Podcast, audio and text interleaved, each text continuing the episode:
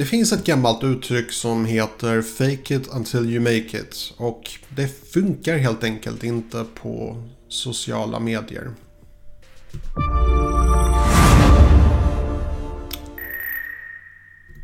Hej och välkomna till min kanal. Mitt namn är Tommy och jag hjälper dig att bemästra social media idag. Så idag pratar vi om vikten att vara ärlig på social media och det handlar mest om att ha i åtanke att det du gör och det du säger på sociala medier sparas i princip för alltid.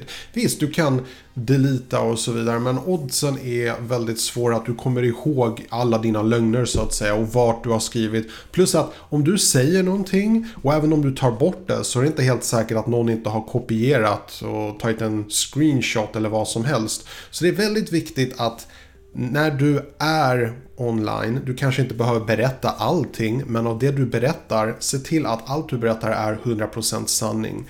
Fake it until you make it. Det kanske funkade någon gång i tiden i riktiga världen då det inte gick att spåra sanningar och så vidare. Du kunde till exempel kanske säga att du, du läste på Oxford till exempel, Oxford University och det kanske inte fanns riktigt de möjligheterna som det finns idag att spåra och se om det verkligen stämmer eller inte.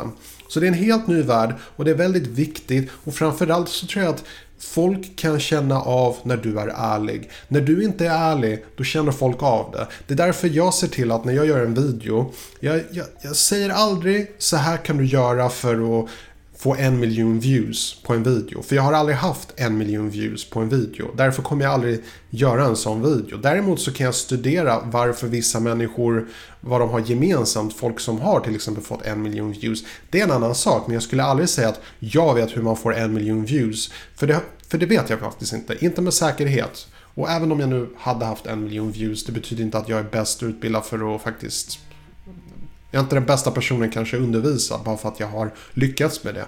Jag är kanske den bästa personen att undervisa och förklara hur man gör för att jag kanske är bra på att förklara för att jag kanske är duktig på att analysera saker på ett bra sätt. Men jag kommer ifrån ämnet lite grann, förlåt. Vikten att vara ärlig är också för att folk känner av när du inte är ärlig. Man tror att man oftast är så duktig på att ljuga, men man kan faktiskt se på ett ansikte när någon ljuger. Och vissa människor de flesta människor skulle jag säga, de kan känna att när någonting inte riktigt står rätt till. Ni känner av det. Det finns gånger då jag har sagt någonting och så har jag inte känt mig 100% säker på det jag pratar om. Och då har ni säkert känt av det. Och det, det, är så det funkar. Det är en grej som är väldigt omedveten. Det är en intuition, en känsla, någonting som gör som händer när vi lyssnar och tittar på andra människor. Vi observerar.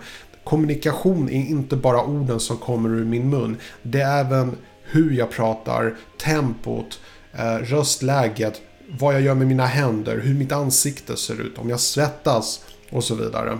Så att det är så mycket som avslöjar oss och när du gör ditt bästa att eh, vara oärlig på ett väldigt bra sätt det är så mycket energi som går åt för att skapa en bra, oärlig bild. Så det är lika bra att satsa bara på att vara ärlig all the way through.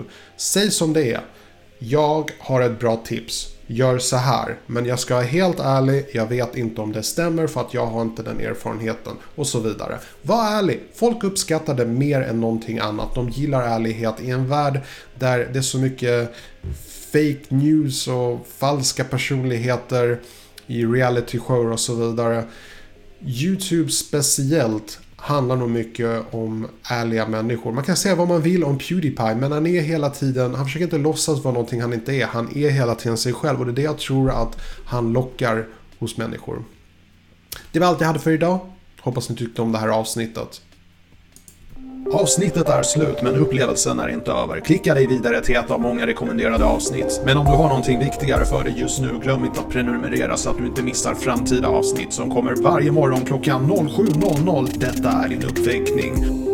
Börja jobba.